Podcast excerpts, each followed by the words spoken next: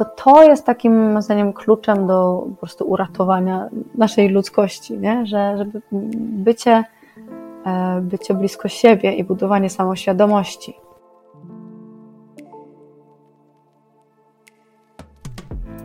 Cześć, nazywam się Ola. Mam 36 lat, normalną pracę, męża i ADHD. I jeśli to, co przed chwilą powiedziałam, wzbudziło Twoją ciekawość, to mam nadzieję, że zostaniesz tu ze mną na chwilę, bo właśnie do takich osób jak Ty chciałabym dotrzeć. Szacuje się, że jakieś 15-20% ludzi na świecie to osoby nieneurotypowe. Tylko, że nie każdy o swojej neuroróżnorodności wie. Jest cała masa kobiet, które od zawsze odczuwają pewien dyskomfort, tylko nie do końca wiedzą, jak go nazwać. I bez świadomości tego, co może być jego źródłem, szarpią się ze sobą i cierpią w milczeniu. Bo o ADHD czy szeroko pojętej neuroróżnorodności u kobiet mówi się zdecydowanie za mało. I bardzo chciałabym, żeby ten stan rzeczy zaczął się powoli zmieniać. No i właśnie dlatego tu jestem. Żeby podzielić się z Tobą moją historią i żeby dopuścić do głosu inne kobiety atypowe, z którymi będę tu rozmawiać. Dzisiaj więc historia mojej kolejnej gościni.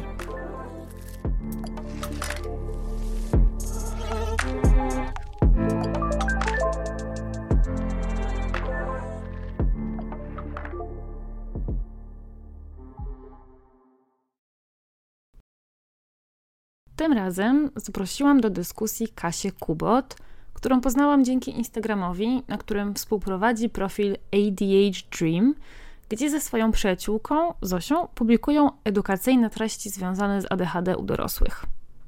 Kasia ma 30 lat i z diagnozą ADHD oswaja się od kilku miesięcy, choć jak sama mówi, samej nazwy z kilku powodów nie znosi. Chociaż tak naprawdę to właśnie możliwość przypięcia tej łatki w pewnym sensie wyciągnęła Kasię z wieloletniej depresji. Kasia jest coachem komunikacji i mamą pięcioletniej Julki, która również powoli zaczyna wykazywać pewne neuroróżnorodne cechy. I o tym też tu trochę będzie. Ale z góry uprzedzam Was, że dzisiejsza rozmowa nie dość, że jest na tyle długa, że musiałam podzielić ją na dwie części, to w dodatku jest najbardziej adechadową rozmową, jaką tu do tej pory przeprowadziłam. Są w niej tysiące dygresji, dobudowywanie nowych wątków, wchodzenie sobie w zdanie, są dzwoniące telefony, szczekające psy, dzieci domagające się uwagi i przerwa na toaletę. Ale jest też mnóstwo szczerych emocji i chęć dzielenia się swoją wiedzą i doświadczeniem z innymi. Zapraszam Was więc do wysłuchania tego, czym Kasia chce się z nami podzielić.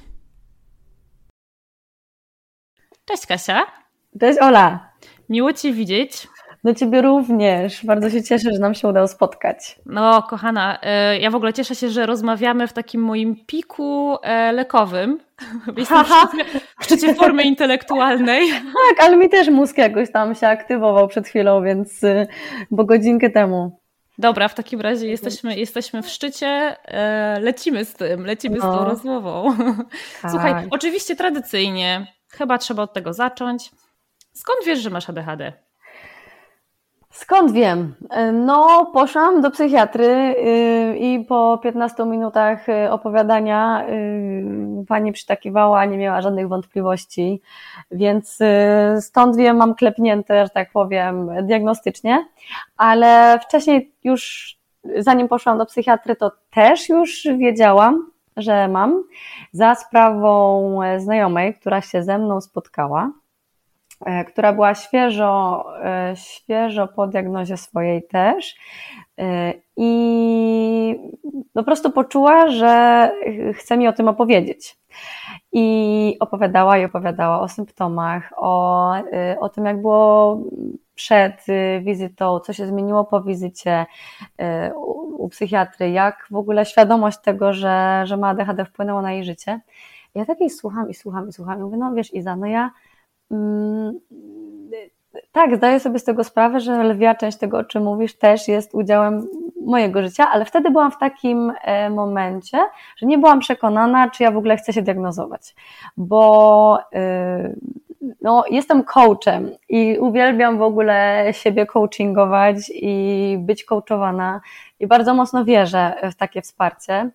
I miałam takie przekonanie, że już mam tyle wypracowanych rzeczy, że w sumie teraz zaczyna się w moim życiu dziać tak do przodu, że może ja po prostu to, że okej, okay, że leki i, i diagnoza oficjalna jest dla, dla pewnej części osób korzystna, ale że to może nie jest moja droga i że była mi bardzo wdzięczna, że się tym podzieliła, bo faktycznie to był mm, kolejny element tej całej układanki mojej pod tytułem Co ze mną jest nie tak, że nie mogę osiągnąć tego, o czym marzę, a wiem, że wszystko mam, żeby to osiągnąć, ale to się nie dzieje. Um, taka jakby taki szklany sufit, że widzę, co jest ponad, ale jakby nie mam młotka, żeby go w ogóle przebić. No, mm. Bardzo to było bardzo trudne doświadczenie, zwłaszcza, że ładowałam ogromną ilość energii w, swój rozwój. No, byłam po długiej terapii, właśnie coaching, samorozwój, książki, YouTube, warsztaty, y, wyjazdy, NVC, no bardzo, bardzo, bardzo wiele rzeczy. No i to jakoś tam działało, ale nie tak jak czułam, że, żebym chciała. No i właśnie spotkanie y, z Izą no mi naświetliło temat, że jest jeszcze jedna droga, nie? że jest, jest farmakoterapia i że w takich, że i też Iza to, co mi powiedziała, czego nie wiedziałam wcześniej, E, że to nie jest tak, że musisz brać te leki, co nie? Że możesz sobie je mieć just in case, jak chcesz e, się skupić, czy nie wiem, rozliczyć podatki, czy wiesz, że będziesz miała trudny dzień, nie wiem, gdzieś w totalnie przebodźcowującym środowisku i że możesz się wesprzeć. I to mi dało pewnego rodzaju taki spokój, że w sumie okej, okay, to lepiej dla mnie brzmi, że nie polegam na substancji, ale że mogę się wesprzeć E, że jak jest strasznie trudno, to mogę nie liczyć tylko na swoje zasoby, których czasami po prostu już nie było, e, tylko że mogę się jakoś wesprzeć z zewnątrz. No to było takie, taka kolejna, kolejne światełko w tunelu. I jeszcze w ogóle śmiesznie, bo ona mi powiedziała o mojej rodzinie, że moja rodzina też idzie w diagnozę, a ja o tym nie wiedziałam, bo ona akurat jest bliżej z pewną częścią mojej rodziny. No ja sobie, no way! Serio, no i to był w ogóle taki przełom, że jak ja już poczułam, że w mojej rodzinie się zaczynają e, osoby diagnozować i w tym kierunku, to też mi dało takiej siły e, wewnętrznej, bo, no bo ja zawsze czułam się jakaś taka inna. W ogóle z dziwnych powodów, bo się okazuje, że jest nas piątka, trójka już ma y, papiery ADHD, także nie jesteśmy tak różni od siebie, jakby się wydawało na początku. Y, natomiast y, no, poczułam taką siłę, że okej, okay, no skoro tu w naszych kręgach znajomych i rodzina, że to może, że to może jest opcja, co nie? Mhm. Mm, jakoś to takie poczucie, że, e, że nie robiłam tego zupełnie sama, w sensie, no sama, no bo to ja tam idę i ja załatwiam, jasne, nikt ze mną do gabinetu nie wchodzi, ale takie poczucie, wtedy też odkryłam, jak, e, jak bardzo jednak e, to mm, te relacje rodzinne są dla mnie ważne, nie? że poczułam, że, że kurde, że oni już coś takiego zrobili, to że ja, to w takim razie ja też mogę, naprawdę, naprawdę doświadczyłam takiej siły. No i to było, to był początek tego roku, 2022, ale ja odłożyłam sobie, sobie to na półkę, bo dalej sobie postanowiłam, ok, będę to obserwować, co się ze mną dzieje e, w temacie właśnie e, diagnozy, tej łatki, mhm. bo też bardzo się bałam, że się zdiagnozuję siebie, to zacznę e, szufladkować swoje dziecko które przejawia, moja córka ma prawie 5 lat, no i przejawia mnóstwo takich cech, które ja też mam. E, I, I obawiałam się tego, że po prostu jakoś zacznę automatycznie ją gdzieś tam wkładać w te ramy, a, a tego nie chciałam ani dla siebie, ani dla niej. Więc przyglądałam się sobie, co ja czuję w ogóle względem e, samej terminologii i w ogóle ADHD, no, tu muszę od razu walnąć po prostu wielki temat. Ja tej nazwy nie znoszę. Używam tak. jej tylko i wyłącznie dlatego, że jest zrozumiała dla ogółu. Najchętniej w ogóle bym jej nie używała, bo jest, no użyłabym tutaj słów, może niekoniecznie podcast. U mnie można przeklinać. Y, no to po prostu jakby o kant dupy. Zacznijmy łagodnie. O kant dupy ta nazwa. Według tak. mnie stworzyli ją ludzie bardzo dawno temu, którzy y, bardzo są nie byli nie ADHD, którzy y, wierzyli w to, że jeśli ktoś wystaje poza jakiś taki standard normalności, w cudzysłowie też nie znoszę słowa normalny, y, to jest zaburzony. I generalnie uważam, że też psychiatria ma dużo w tym temacie do zrobienia, żeby przestać tak stygmatyzować ludzi, którzy w cudzysłowie są inni, bo jak zauważamy, innych w cudzysłowie ludzi jest cała masa. Więc jeśli inni ludzie to nie jest mniejszość, to, to coś jest bardzo nie tak. Więc wracając do tematu tego, jak przeglądania się mojego, jak ja się czuję w ogóle z tą terminologią, w ogóle z tym, że mogłam mieć ADHD. No, było parę tygodni, miesięcy nawet, że, że sobie z tym byłam, to miałam z tyłu głowy. E, gdzieś tam po cichu przebąkiwałam właśnie e, mojej przyjaciółce Zosi o tym, I, ale jeszcze się nie decydowałam na, na diagnozę. I słuchaj, przyszedł kwiecień, depresja życia, po prostu epizod tak dramatyczny. Jeszcze, no, ja w swoim życiu przeżyłam wiele epizodów e, depresyjnych. E, ogólnie od nastoletności w sumie do dorosłości towarzyszyły mi cały czas. Były lata, że w sumie byłam cały czas w dołku.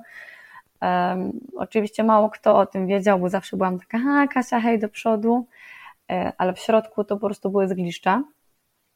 I, ale nigdy nie było tak źle, nawet przed terapią, nie było tak źle, jak teraz w tym kwietniu, gdzie ja byłam po, po zamkniętym czteroletnim procesie terapii po setkach godzin intensywnego coachingu, w momencie, że jestem przed trzydziestką, więc jestem już naprawdę coraz bardziej świadoma siebie, czuję, że w moim życiu otwiera się przestrzeń na to, żebym żyła po swojemu. Jakby teoretycznie wszystko idzie e, jakby do góry, tak? Rozwijam się, staję na nogi, odkrywam swoją, swoją misję, swoje powołanie życiowe, w ogóle tego, jak jestem ukształtowana, jakby to obejmuję, e, ukochuję siebie jako ja, swoją kobiecość, swoje wszystkie historie. Jestem y, pogodzona ze swoimi decyzjami życiowymi, które mnie strasznie y, wiele lat y, gdzieś tam mm, trzymały w szachu e, i, i, i czułam wstyd i złość za to. Więc jakby tyle rzeczy, które by wskazywało, że ej, no po prostu nic tylko lecieć. Świat jest twój. A to przed tak. kwiecień i po prostu ja leżę, kwiczę, dwa tygodnie bite myśli samobójczych non-stop. Ja, ja, to było tak, że ja siedziałam, ja miałam cały czas taką myśl, że, że chcę się tego uwolnić, że ja nie chcę żyć. To było mm. straszne, bo ja mam, jak mówiłam, córkę i, i to było dla mnie, no to było okropne. Na szczęście już jestem w takim momencie, że otaczają mnie osoby, były bardzo świadome, które też potrafią dać wsparcie, więc ja nie byłam w tym sama. E, I, I bardzo bliska mi osoba, e, też terapeutka, powiedziała: No, ale super, Kasia, że masz te myśli, bo to znaczy, że ty jeszcze e, wierzysz, że możesz dać sobie ulgę. W ogóle zmieniła mi um, podejście do. Hmm. Bo ja, ja, czułam taki wstyd, Boże, jest ze mną tak źle, że ja chcę się zabić. W ogóle masakra. Ja się bałam o siebie, naprawdę się bałam o siebie. Hmm bo to było, no to było straszne. Ja w ogóle resztką sił odprowadzałam córkę do przedszkola i odprowadzałam ją tylko po to, żeby wrócić i po prostu leżeć i oddychać. Nie, nie, nie stać nie było na nic innego. Hmm, no dobra, nie będę już o tym opowiadać. Generalnie w skrócie, y, no kto tam był, to wie o czym mówię, a kto nie był, to tego się nie da opisać, tak, bo naprawdę nie da się przekazać doświadczenia słowami. To, to, to jest jakaś jedna setna może w każdym razie to, co się działo, poczucie winy, no przecież dziecko, y, w ogóle takie, ej, no w ogóle jesteś super pani coach, taka przyterapeutyzowana, pomagasz ludziom, a tutaj w ogóle jakieś depresje, w ogóle out of the blue. I takie części, tak, oskarżające, a jeszcze jest to dziecko wewnętrzne, które, y, no, dużo, dużo się działo. Mm. No i moja sterapeutyzowana, skołczowana głowa, e, właśnie we wsparciu e, tej bliskiej mi osoby, wytworzyła taką zbawienną myśl pod tytułem hej, dobra, jest kwiecień i dzieją się z tobą bardzo dziwne rzeczy. Jakby spójrz Kasia na to jakby tak obiektywnie. Parę tygodni temu w twoim życiu było dokładnie tak samo jak teraz, pomijając fakt, że wtedy nie byłaś zapresjonowana, a teraz jesteś. I to było takie kurka, nie? Że to jest coś tak bardzo jakby co ja, że to, to, co mi przeszkadza, to, co mnie jakby tak ściąga w dół, to jest coś poza tym, co ja mogę zrobić jakby w tym momencie z tym, co mam i że to jest problem, znaczy nie problem, że to jest czynnik, z którym ja nie muszę sobie sama radzić. Że to jest ten moment, kiedy mogę przyznać, że mam te zasoby y, coachingowo-terapeutyczne, że ja to wszystko na głowę wiem, bo to jest tak, że, że ja miałam te myśli samobójcze i miałam, okej, okay, dobra, są myśli samobójcze zwiewne, to nie są groźne, no nie, nie, nie, nie sądzę, żebym sobie zrobiła jakąś krzywdę, ale ból był realny. Wiesz o co chodzi? Mm, tak, tak. Z jednej strony racjonalnie wiesz, że to, co się z tobą dzieje, jest w ogóle totalnie odklejone od prawdy, mm. od rzeczywistości, natomiast to się dzieje to się po prostu dzieje. Ja byłam, no to było okropne, Boże, no co mogę powiedzieć. Na szczęście ten, właśnie ten, te zasoby y, kognitywne, które miałam po, po, po tych procesach y, rozwojowych, mm, no pozwoliły mi otworzyć w sobie tą opcję, dobra, to jest ten czas, że zupełnie już sobie nie chcę, już mam dość radzenia sobie sama, już mam dość cały czas coachingowania siebie, wyciągania tych wszystkich mądrych rzeczy, e, życia nimi. E, to jest wszystko bardzo fajne, ale już po prostu nie mam tu siły. Niech ktoś mnie poniesie. Ja już ja nie mam siły sama siebie nieść. Jestem matką. E, mój związek też bardzo wiele wymaga ode mnie wysiłku, żeby, żeby hulał jak, jakbyśmy chcieli mm, bo mąż jest w ogóle taki bardzo neurotypowy, więc na tej kanwie też, ale to w ogóle osobna historia no było, no to nie jest takie super easy, nie? żeby to skleić fajnie. I, i ja, już nie, ja już nie mogę sama, ja, ja muszę iść po pomoc, yy, idę. Idę do tego psychiatry i wtedy się modliłam, żeby ta pani mi powiedziała, że to jest ADHD. Mm.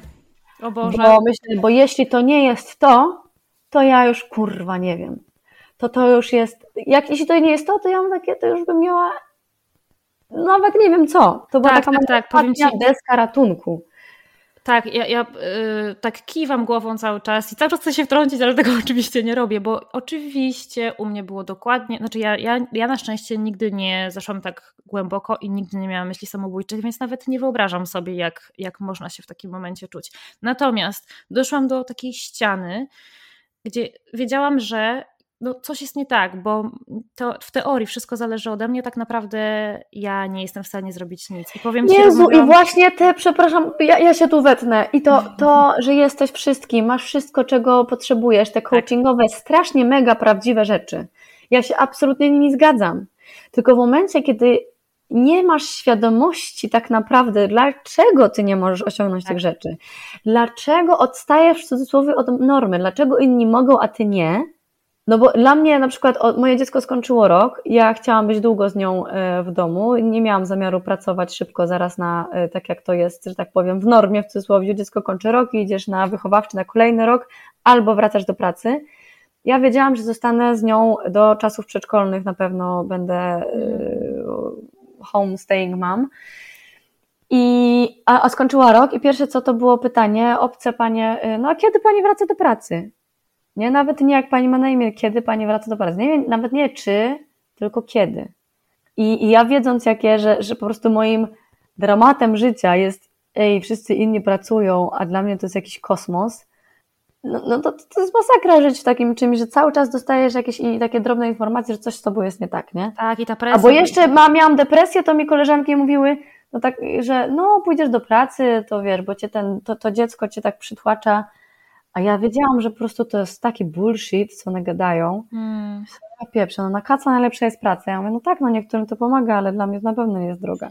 Więc, yy, więc wracając y, do tego, gdzie się wcięłam, te, te, ten coaching i, i te historie ty, typu właśnie yy, masz wszystko, możesz wszystko, tylko musisz wstać o 5 rano i zrobić rutynę i biegać, może być strasznie destrukcyjne. Ja też czuję właśnie miejsce e, w tym rozwojowym świecie dla siebie, żeby więcej wprowadzać elementu intuicji i dopasowywania tych strategii pod siebie, a nie przyjmowania wszystkiego takiego zero-jedynkowa, że gdzieś tam mega jakiś y, coach super, co ma milionowe zasięgi, to powiedział, że jak będę wstawać o 5 rano, to y, będę super biznesmenem za rok, bo będę mieć miliony, bo tak robią milionerzy przecież, co nie? Tak, tak. No, to, to, to, to było mega trudne i to też się z tym nie zgadzam. To też chcę wrzucić. I wracamy, przepraszam, do Twojego wątku, że coś jest nie tak, że może, że to wszystko jest w Tobie, ale coś czujesz, tak, że. Ale to, to jedna rzecz, a druga to taka, że właśnie dochodzisz do tego punktu, że myślisz sobie, jeżeli ja usłyszę, że to nie to, to ja już nie wiem co. I, rozmawiałam e, z moim kolegą, który właśnie, jest, właśnie dostał diagnozę kilka dni temu. E, I on dokładnie to samo powiedział, że, on, że to jest jego ostatnia deska ratunku. On idzie do tego psychiatry z taką nadzieją, że ten psychiatra mu wytłumaczy, dlaczego on całe życie nie osiągał swojego potencjału, o którym wiedział, e, dlaczego tak trudno mu jest e, funkcjonować, że on widzi wokół siebie ludzi, którzy przecież są tacy jak on i mają mniejszy talent i wiesz, radzą sobie dużo lepiej. I co z nim jest nie tak? I powiem ci, że gdyby usłyszał, że to nie ADHD, to myślę, że byłoby mu bardzo ciężko i to są takie no, kwestie dosyć trudne. No więc widzisz, paradoksalnie nie lubimy nazwy ADHD, ale jednak ona ratuje życie, nie? Że jest coś takiego, że jest, że jest ten nurt, że, że ktoś to gdzieś odkrył i, i, i wspiera, znaczy odkrył, w ogóle to też mnie bawi, nie? Że trzeba odkryć coś, co było od setek lat ale to już jakby temat, temat na takie bardziej filozoficzno-socjologiczne rozkminy, dlaczego żyjemy w takim świecie i sobie sponsorujemy tego typu po prostu tak. masakry, ale um, no te, zdolna, ale leniwa, no to na bank to słyszałaś, nie? No oczywiście, tak, to przecież całe, całe życie jak mantra, nie? Rodzice, nauczyciele, tak. dziadkowie, wszyscy wokół mnie. W dobrej no, wierze masz... to jest najgorsze, nie? Tak, masz że, że takie, to jest straszne.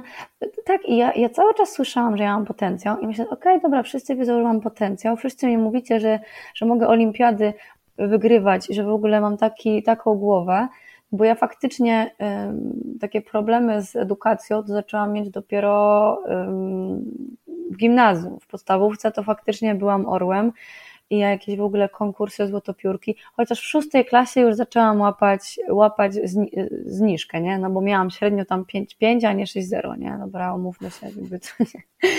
E, no ale to był taki pułap, że, że naprawdę nie miałam problemu z niczym i to jest niestety duża pułapka, bo tak, e, tego typu zdolności i potencjał e, usypia czujność wychowawców i rodziców, ja zawsze uchodziłam też przez swoich rodziców, y, byłam uważana za, no, za to dziecko, które sobie poradzi, bo właśnie najłatwiej, największe takie sukcesy właśnie konkursowo, jakieś takie przynosiłam, zawsze byłam ulubienicą wychowawców, przewodniczącą klasy,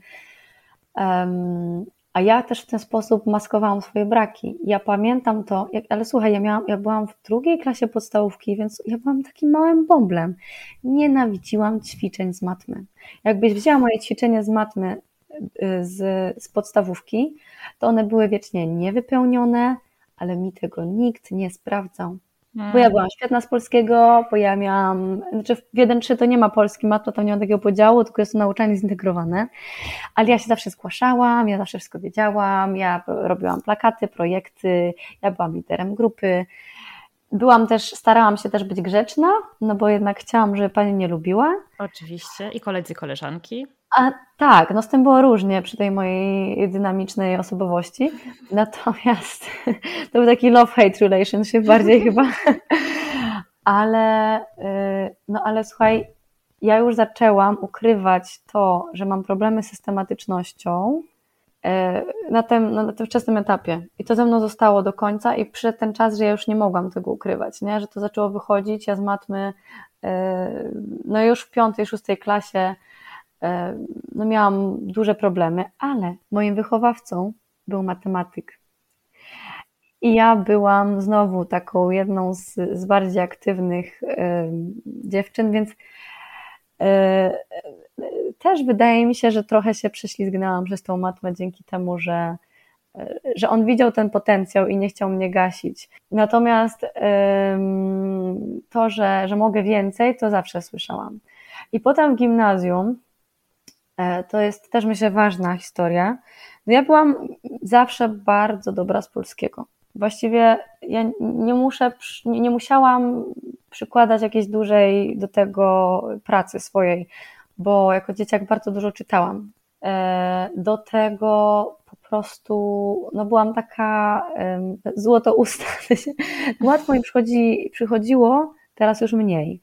Ale za dzieciaka e, no po prostu bardzo ładnie pisałam. I w ogóle to lubiłam, takie zabawy językiem, ale nie czytałam lektur na czas. Więc zawsze jak był sprawdzian z lektury, to miałam pały, które potem poprawiałam na piątki.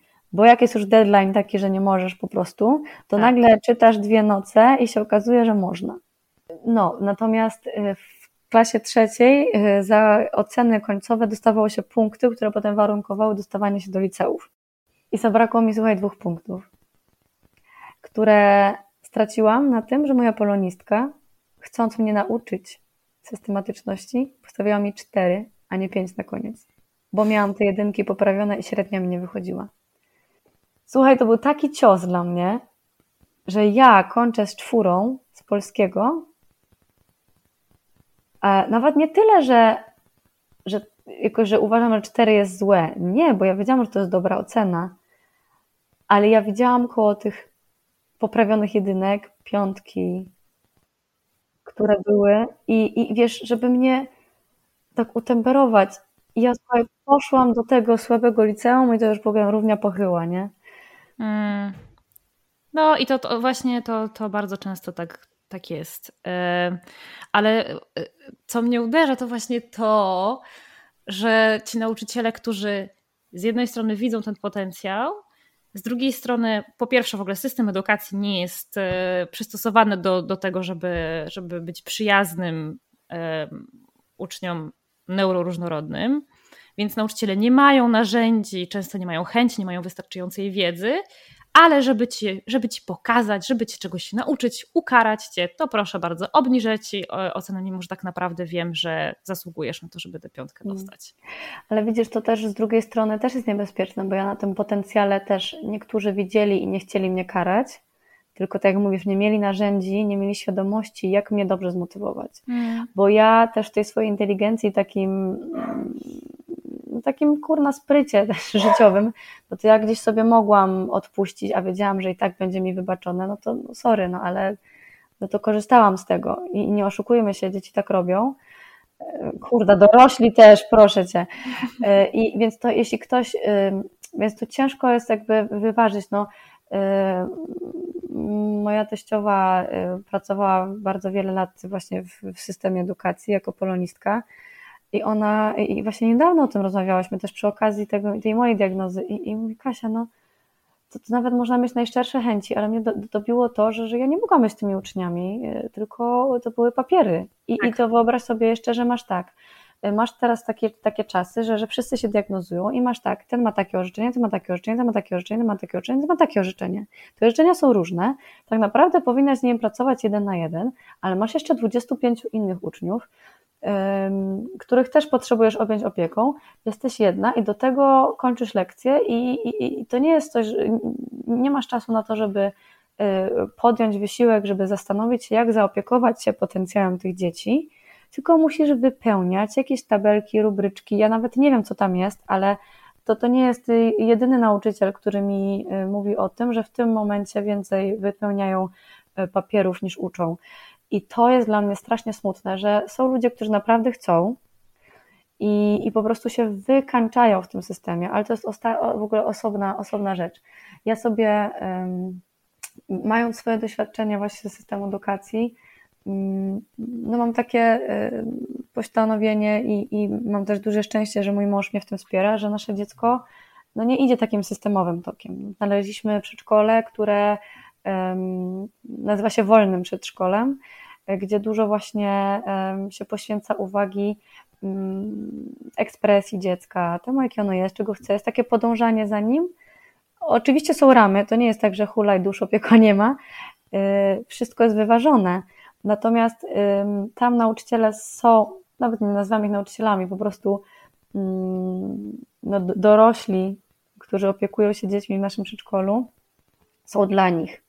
Oni potem nie mają sterty papierów, co się pewnie jakieś mają, bo, bo, bo to jest ten, ale placówka edukacyjna. Niemniej, no to widać w energii, że to jest potrzebne y, nam ludziom i to też mówię ze swojego doświadczenia, ale też z tego, co widzę w pracy coachingowej z ludźmi, że takie um, spojrzenie um, jednostkowe i mam takie doświadczenie, że nasze pokolenie tego bardzo potrzebuje, że nie chcemy być um, traktowani jako jakaś masa, tylko bardziej właśnie e, indywidualnie. I to jest piękne, że taki przełom się dzieje. No i ten system po prostu totalnie za tym nie podąża. Natomiast widzę dużą sprawczość w naszym pokoleniu, które tworzy miejsca dla siebie, nie? że pojawiają się placówki takie małe dla naszych dzieci, dla, dla rodziców, którzy chcą innej jakości. I i właśnie w takich miejscach ja nie mam potrzeby, żeby mówić i, słuchajcie, mam ADHD i moje dziecko prawdopodobnie też ma, bo ja wiem, że tam to jest zaopiekowane poza tą nazwą, co nie? Hmm. Widzisz, tylko właśnie tak jak mówisz, to jest problem systemowy. Niestety, zamiast iść w dobrą stronę, to mam wrażenie, że zaczynamy się bardzo poważnie cofać pod tym względem i jakoś trudno mi sobie wyobrazić zmiany dobre w, w tej kwestii.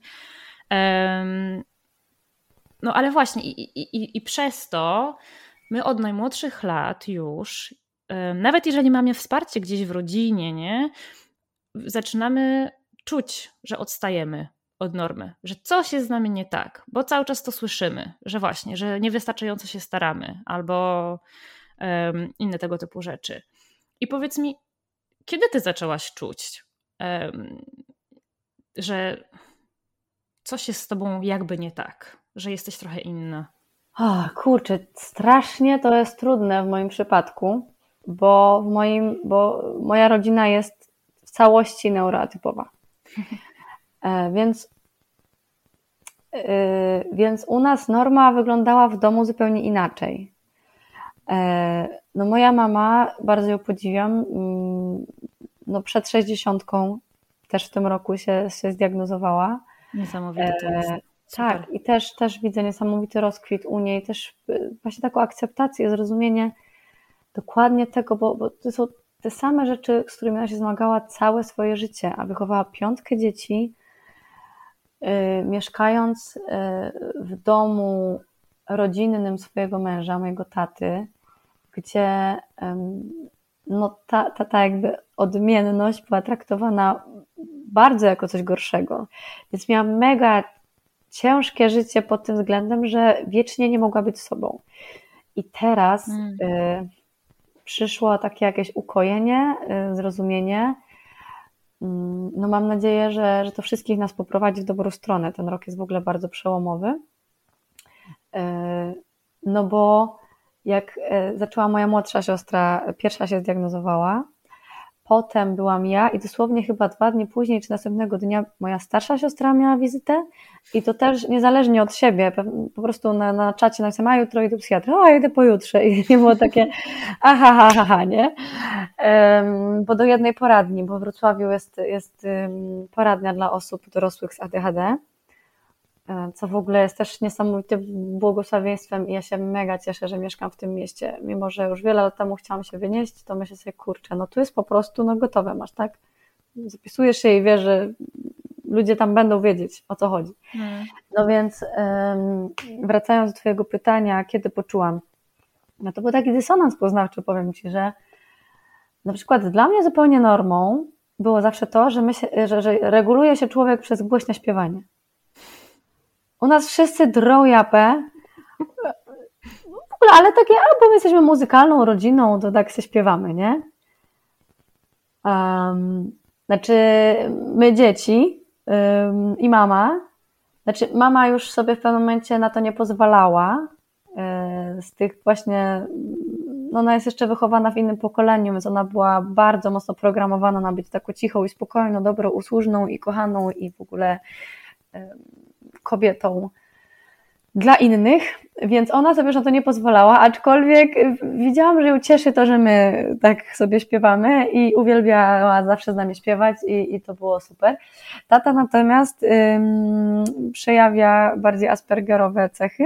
Hmm.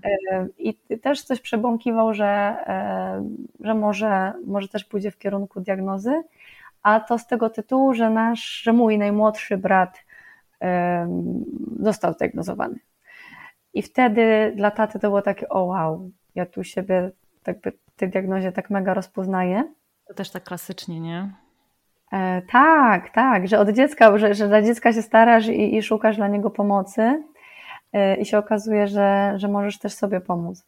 No u nas właśnie się tak zaczęło e, w ogóle ta podróż przez poznawanie e, neurotypowości, więc dla mnie normalne to było na przykład, no, że mój brat no okej, okay, no ma Aspergera, no, ale jest, jest, jest, jest, jest moim bratem, jakby nic się dla mnie to nie zmieniło, nie? No, fajnie, mogę sobie poczytać, lepiej go zrozumieć, nawet z nim pogadać o tym, jak to, jest mega ciekawe. Uwielbiam rozmawiać z moim bratem, on jest super inteligentny i, i w ogóle tak, um, tak fajnie, e, fajnie się z nim rozmawia i, um, i ma bardzo duży insight, jeśli chodzi o opowiadanie, jakby co, co się w nim dzieje.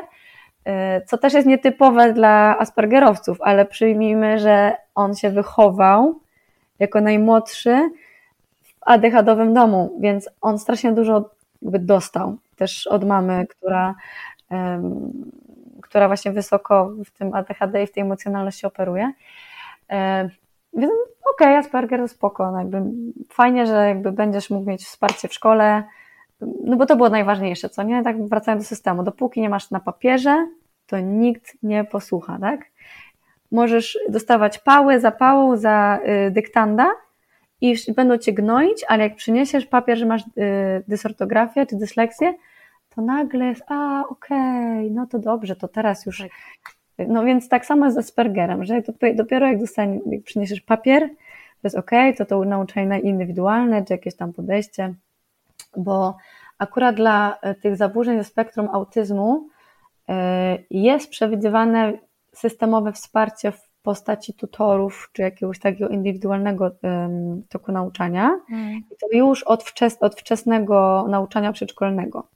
Jest możliwość korzystania z terapii SI e, darmowej, jest dodatkowy wspierający nauczyciel do tego jednego konkretnego dziecka. Czyli jest grupa tam dwudziestu paru dzieci i jest nauczyciel. I jeśli jest grup, w, dzie w grupie dziecko z orzeczeniem Asperger lub autyzm, to placówka ma obowiązek zatrudnić e, dodatkowe wsparcie, takiego mentora, tutora.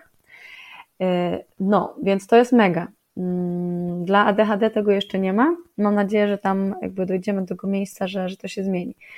No więc, e, no więc tak, brat Asperger, e, ja ADHD, młodsza cis ADHD, starsza cis ADHD i teraz mamy drugie jeszcze młodszego, starszego brata, e, no, który nie, nie decyduje się jakoś to, nie wiem, diagnozować i to też jest super, że myśli sobie, no, no widzi nas, jak my funkcjonujemy i no, na razie nie ma takiej potrzeby, nie widzi symptomów, także um, Także jakby no 4 na 5, nie?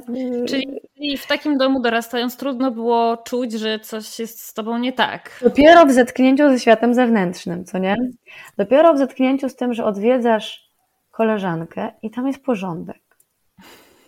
Albo że no, że, że, że, że, ona pamięta, że, że sobie zapisuje rzeczy i je robi, nie? Albo że no ma takie sobie biureczko, gdzie trzyma sobie różne rzeczy, na przykład jak wie, że ma na plastykę wziąć coś, to sobie otwiera to biureczko i stamtąd bierze i kiedy się kończy, to jej mama dokupuje i że wiesz, że jest taka harmonia i że to jest taki, takie normalne, a u nas to zawsze po prostu wszystko na takim przypale, e, wiesz, i dla mnie to było normalne, nie? Że, że są rzeczy, które się po prostu jakby nie ogarnia. No więc no, jeszcze to było śmieszne, że konflikt wieczny między mamą a tatą, no bo świat, niby Asperger i ADHD to jest neurotypowość, ale te światy są zupełnie różne. Tak. Więc nawet widząc ten konflikt między nimi, co jest normalne dla jednego, a co jest normalne dla drugiego, i widząc na przykład rodziny, w których jest jedna normalność dla wszystkich, mm. jakby i wszyscy z niej funkcjonują, no to było dla mnie takie trudne. Myślę, no to, to, to, było, to było trudne, nie? Jakby, że, że przecież ja się dobrze czuję w tym, w tym, w tym swoim, w tym sosie, chociaż jednak chciałabym, żeby był porządek, ale jak chcę, żeby był porządek, to to w ogóle nie wychodzi, ani groźbą, ani prośbą, ani w ogóle niczym. Moi rodzice najlepiej by to opowiedzieli, jakie po prostu gehenne przechodzili, żeby ogarnąć nas, żebyśmy ogarniali chatę. U mnie było dokładnie to samo z trzymaniem porządku. No, bo jakby Uważam, że y, do, do diagnozy DHD to, to pierwsze pytanie to powinno być, czy słyszałeś, że jesteś zdolna, ale leniwa? Y, I, I jak ci idzie trzymanie porządku? Tak, tak, tak. Ale wiesz ile Cię, nie czy masz porządek, tylko ile cię kosztuje utrzymanie porządku, bo moja młodsza siostra, jak mieszkałyśmy razem w pokoju, to przeżywała gehennę totalną, bo ja mam trudność z utrzymaniem w porządku swoich rzeczy, nie ukrywam tego, kto był kiedyś u mnie w domu, to wie. Chujowa pani domu to jest moje drugie imię, a o niej jest drugą stronę, że wszystko poskładane, natomiast strasznie dużo energii to zjadało, co nie? Mimo, że z zewnątrz nie wyglądało. Tak, ale wiesz co? Ja sobie tak myślę jeszcze, że moim zdaniem słowo leniwy powinno być zdelegalizowane. To powinno być słowo, które powinno wyjść z użytku, absolutnie, powinno być zabronione jego używanie, powinno się płacić kary. Naprawdę. No ja bym co bardziej to, niegrzeczny jest... powiedziała, że, no nie, że jakbym miała jest... delegalizować, to niegrzeczność. Że leniwy to jeszcze spoko, że wie, że no ale zobacz. są ludzie leniwi, ale... ale... Ja, ja nie wiem, ja nie wiem, czy są ludzie leniwi, bo zobacz, w naszym przypadku to jest tak, że to nie jest, to nie jest przecież tak, że my nie chcemy czegoś robić. My bardzo chcemy to robić. Bardzo to chcemy jest... robić i to, że tak bardzo chcemy, to nas tak spala. Dokładnie, dokładnie. No i ty kumasz, ja ci mówię i ty kumasz, a wytłumacz to komuś, kto jak chce to robi, a jak nie chce to nie robi. No nie, no właśnie dlatego mówię, że powinno to słowo w ogóle wyjść z użytku, bo e, wiesz, właśnie, mówiłaś o tym dysonansie poznawczym i to jest to, że z jednej strony ty wiesz, że tak bardzo się starasz, tak bardzo chcesz to robić, tylko nie możesz, a tutaj przychodzi ktoś i ci mówi, no bo ty jesteś takim leniem. O Jezu, no tak, no to jest straszne. I ja, ja też wiele razy słyszałam, że jestem leniwa, mam bałagan, a ja sobie, no kurde, a czy lenistwo, czy jak czytam na przykład y, książki do konkursu, rozkładam je sobie po całej, po całym po prostu mm, pokoju i czytam z encyklopedii i po prostu jest siedmioletnie dziecko, które jest na maksa wkręcone y, w pamiętanie faktów o historii Wrocławia, czy można powiedzieć, że to dziecko jest leniwe? No właśnie. No właśnie. Nie można. Dokładnie. W się nie powie się tak, ale w kontekście y, sprzątania, no ja, żeby jeszcze dodać pikanterii do tego tematu, to moja babcia na przykład składała mi kiedyś takie życzenia urodzinowe. No i życzę Ci, żebyś już nie była taką fleją. O jest. Jeszcze to słowo fleja. No, to jest, to jest, to jest po prostu to jest y, anegdotka rodzinna. Y, ten. Znaczy, to nie, nie tylko, nie, nie ja jedna usłyszałam te życzenia, więc y, jeśli moja familia będzie słuchać tego podcastu, to tak, tak, tak, wy też to mogliście słyszeć w różnych wydaniach, bo, bo to był bardzo właśnie taki częsty motyw, nie? Hmm. A no dobra, no to przed moment, że zaczęłaś się orientować, że inni ludzie funkcjonują w trochę inny sposób i są rodziny, które y, ogarniają. Jest porządek i w ogóle wszystko jest zrobione i, i, i w ogóle, że się samo robi bez, bez żadnego, e, bez walki z samą sobą. No. A y, kiedyś się zorientowałaś, że, te, że były rzeczy, które ewidentnie wynikały z Twojego ADHD, które mogły być odbierane przez ludzi jako Twoja zła wola, Twoje skupienie na samej sobie, niezainteresowanie innymi. O mamo, temat, to temat rzeka. E, no ja po prostu, e, no nieodpisywanie na wiadomości, e, spóźnianie się na spotkania, nieprzychodzenie albo last minute w ogóle odwoływanie, bo nagle miałam taki zjazd, że w ogóle nie.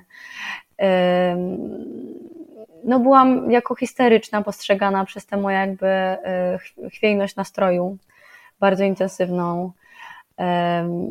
Z kolei osoby na przykład takie o mniejszej intensywności komunikacji, to często słyszałam feedback, że jestem taka egocentryczna, że chcę, żeby tylko na mnie się skupiać. Przez to, że no właśnie, no bo ADHD też się łączy z tym, że jakby działasz w kilku trybach, że masz taki super entuzjastyczny, i to często ludzie zapamiętują jako po prostu już jedyna prawda o tobie, a potem jak masz taki zjazd i się wyłączasz i przebodźcowanie i nagle już nie jesteś taki miły, entuzjastyczna, tylko yy, to z angielskiego lubię to słowo snap, nie? że hmm. coś nie pasuje i tak taką, taką złością nagle nie wiadomo skąd, bo na przykład, bo, bo nagle jesteś głodna albo jest ci za gorąco. Na mnie strasznie duchota e, i upał działa w ten sposób, że jak, jak jestem, jak jest mi duszno, to natychmiast po prostu jestem strasznie opryskliwa, bo jest to dla mnie tak przestymulujące i trudne. I to jest coś, no to, to, to nie wytłumaczysz, no bo przecież powinnaś być serdeczna, nie? A nagle, no słuchaj, no ja jestem, no w 2016 roku się hajtnęliśmy z Tomkiem, a dopiero w tym roku e, no ja to zaczynam wszystko łapać i mu mówię, na przykład jadę dusznym autobusem teraz i, i w ogóle ostatnio wysłałam takiego smsa pod tytułem e, alert, y, mój alert, ADHD Emergency Bot, tak jakby weszłam w rolę bota, który gdzieś tam jakiś taki, jak są alert RCB, Rządowe Centrum mm -hmm. Bezpieczeństwa, że tam zamknij okno, będzie burza, coś tam, coś tam, to znajdę tego smsa, bo Jestem z jego dumna, bo to było śmieszne. Przynajmniej w moim, w moim odczuciu. Że zaczęłam sobie się orientować, że nienawidzę świata. Jadę autobusem, nienawidzę świata, nienawidzę ludzi, wszystko jest źle i ja wiem, że wejdę do domu, on tam czeka, będzie chciał buziaczka i tu laska, a ja po prostu on miała ochotę, po prostu odejdź jak najdalej ode mnie i w ogóle nie mów i w ogóle zniknij. Na mnie tak działają tłumy w ogóle. Tłum, a jak jest gorąco, chce mi się jeść, chce mi się pić, jest tłum, jest gorąco, najgorsze w ogóle, najgorsze co może być. Więc napisałam takie Kate State Rate, czyli KSR, KSR Alert 3 na 10, Medipower is low, Hunger Rate high, Irritation Management Capacity low, Overall Body Exhaustion high, Extra Information probably dehydrated. I wiesz, i, w ogóle powiedział, że to zrobiło taką robotę, otworzył drzwi i od razu, wiesz, zimne truskawki wjechały. No, Także to było super, też taka świadomość, że no ja to mam i, i, i nie zmienię tego i po prostu jest jak jest i po prostu chcę, żeby to jakby na chwilę pomógł mi to ogarnąć i, i zaraz będę wrócę do siebie. A kiedyś to nie było takie oczywiste, nie? Ludzie też nie, nie mają takiej zdolności naturalnie, jeśli tego nie ma w domu, a niestety nie ma tego dużo u nas w wychowaniu, um, nie brania do siebie wszystkiego, nie? Że um, od, jakby jest trudność z oddzieleniem faktów od opinii, czyli że ktoś coś robi i my to bardzo często przyjmujemy jako jakąś prawdę o sobie, o tej sytuacji, dodajemy do tego niesamowitą ilość znaczeń, z której często sobie nawet nie zdajemy sprawy. Mhm. A fakt jest taki, że no nie wiem, Kasia powiedziała coś takim tonem, który, nie wiem, był dla mnie nieprzyjemny. Co nie? I kropka. A nie, że ona mnie nie lubi, ona jest niegrzeczna, ona jest w ogóle, nie wiem, nie chce się kolegować, jestem beznadziejny, ona pewnie myśli, że jestem głupi, no i tak dalej, i tak dalej. Ten cały cyrk w głowie, który się dzieje. Więc to psuło relacje. E, co jeszcze z tym, z tym takim ADHD? To akurat było śmieszne, bo byłam znana z tego, że odpadam w trakcie e, imprezy, nie? że jest środek imprezy, w ogóle najlepsze bansy, a u mnie wierzę przestymulowanie i jest wtyczka z gniazdka pstryng i Kasia, gdzie mi wystarczy skrawek podłogi, naprawdę nie potrzebowałam nie wiadomo jakich łóżek i zwijałam w kłębek i nagle znikałam. I po prostu mnie w takim stanie przenosili w ogóle z miejsca na miejsce, bo ja musiałam jakby od, tak y, ten, tą, tą intensywność imprezy, relacji, bo słuchaj, no, pozytywne emocje też mega przestymulowują. Tak, oczywiście. Ja miałam teraz o, o tym zapominamy urodziny. Często. Tak. Y, miałam 30 urodziny i odbierałam życzenia i one mnie tak strasznie rozczulały i w ogóle był taki dobry rok i w ogóle tak emocjonalnie jakoś mnie, wiesz, tak mnie to ruszało. I ja, słuchaj, weszłam do pokoju y, po rozmowie właśnie takiej z życzeniami i nie mogłam złapać oddechu. I mówię, Tomek, on już przerażony, mówię, spoko, oddycham. Ja tylko mam teraz y, schizę, że muszę wziąć ten jeden, idealny oddech, bo inaczej umrę, ale nie umrę. Oddycham, tylko muszę znaleźć ten idealny oddech, nie? I tak sobie łapałam powietrze, żeby ono poszło, wiesz, w to idealne miejsce w płucach, gdzie mój mózg myśli, że w ogóle zginę, jak nie wezmę tego oddechu. Wiesz, popłakałam się, ja mówię, cieszę się, że dzisiaj na spokojnie ten 4 sierpnia, bo bym nie zniosła, nie? Że hmm. muszę, muszę odpocząć, bo nawet pozytywne emocje tak mnie po prostu potrafią rozbić. I to też było, jest niezrozumiałe, że taki breakdown to jest trochę jak dziecko, nie? O, dzie widzisz, o dzieciach się pamięta, że dobra, jak jest przestymulowany, to może być płaczliwy, hmm. płacze, bo jest głodny, um, dobra, y, wkurza się, bo jest za gorąco, a my o sobie jako dorośli zapominają, że też jesteśmy ludźmi i że to nie jest jakby e, atrybut dziecka, że w ten sposób reaguje, tylko to jest po prostu bycie człowiekiem. Tak, żeby też mamy do tego prawo, dokładnie. I że też się trzeba tym zaopiekować, więc to, to też było trudne, że to, no raz, że przy ADHD to jest dużo bardziej intensywne. Ta, ta reakcja na przebodźcowanie, ona się dzieje nagle i to jest dla, dla, dla ludzi z zewnątrz, przynajmniej w moim przypadku, bardzo niezrozumiałe. Dlaczego w jednej chwili wszystko jest w cudzysłowie spoko, a ja też nie umiałam odczytywać tych wtedy jeszcze takiego, chciałam bardzo maskować, że jest, jest fajnie, nie chciałam tracić imprezy, a, a poziom napięcia wewnętrznego rósł, rósł, rósł i w pewnym momencie już nie umiałam tego zamaskować i było jeps, nie? Mhm. I albo płakałam i była, wiesz, drama queen, albo właśnie się odcinałam, nie? Tak. Postawmy tutaj przecinek na chwilę. Zróbmy pauzę, bo muszę skoczyć na siku. Tu jeszcze szybkie przypomnienie ode mnie. To nie jest koniec mojej rozmowy z Kasią, to tak naprawdę nawet nie jest jej połowa, także do wysłuchania drugiej części zapraszam Was w drugiej części.